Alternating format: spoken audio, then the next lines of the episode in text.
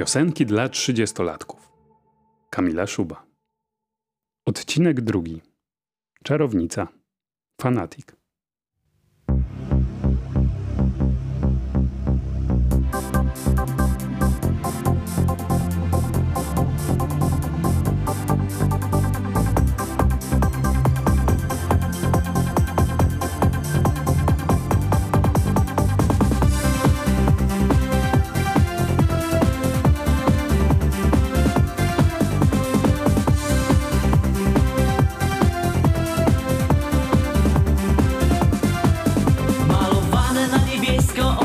Okiennice Słoneczniki wyglądają na ulicę Na podwórzu kunder biały pręży się jak bury kot. A twe oczy tak się śmiały, bo patrzyłaś mi wprost. Nie wróżyłaś z mojej ręki, nie pytałaś. Wody dałaś, chleba dałaś, miodu dałaś. Sad wiosenny mnie powiodłaś między drzewa. I zacząłem swoją rzewną piątkę śpiewać. Rzeki przepłynąłem, lasem szedłem, nocy nie przespałem Żeby Ciebie spotkać w małym kącie świata Żeby z Tobą zostać na Jest rok 1992. W dopiero co otynkowanym pokoju na piętrze unosi się biały, pobudowlany pył. Usta są od niego suche i spieczone. Trochę kręci mnie w nosie i chce mi się kichać. Stoję tam razem z Elizą, koleżanką z klasy w podstawówce.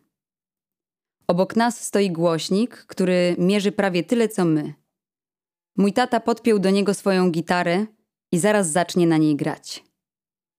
Mam na sobie zielone dresy z żółwiami ninja, a w ręku trzymam prawdziwy, ciężki mikrofon z długim czarnym kablem.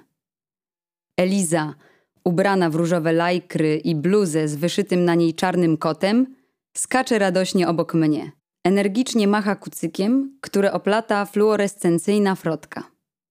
Przed nami zgromadziła się już kilkuosobowa publiczność złożona z przyjaciół rodziców, wujków oraz ciotek. Zaraz zaczniemy nasz wspólny koncert. Gdy byłam mała, bardzo chciałam śpiewać i grać na pianinie. Pewnie dlatego rodzice zapisali mnie do szkoły muzycznej na prywatne lekcje nauki gry. Nie mogłam doczekać się pierwszych zajęć, aż w końcu nastał ten sobotni ranek, kiedy to z różową kartonową walizką w dinozaury prawie tam pobiegłam. Szybko jednak okazało się, że będę miała problem z polubieniem tych lekcji, bo mój nauczyciel, mężczyzna w wieku, którego nie mogłam zidentyfikować, pochylał się nade mną jak krzywa wierzba i zwracał mi uwagę na to, że moje nuty są pogięte. Drażniło mnie to równie mocno, jak jego perfumy i za długa grzywka opadająca na wiecznie spocone i pomarszczone wysokie czoło. Nie lubiłam, gdy jego dłoń wystająca z podwiniętego rękawa za dużej wiśniowej marynarki z siłą ściskała moją rękę i kiedy mówił, że nie umiem zrobić z palców domku dla wiewiórek, a to podobno było bardzo ważne. Nienawidziłam powtarzania tych samych melodii, etiud, które były nudne i nie brzmiały pięknie, zwłaszcza w moim niepewnym wykonaniu. Samo słowo etiuda napełniało mnie wtedy odrazą i wstrętem.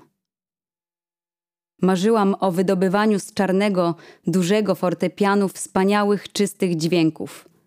A w szkole grałam na starym pianinie, które brzmiało inaczej niż bym sobie tego życzyła.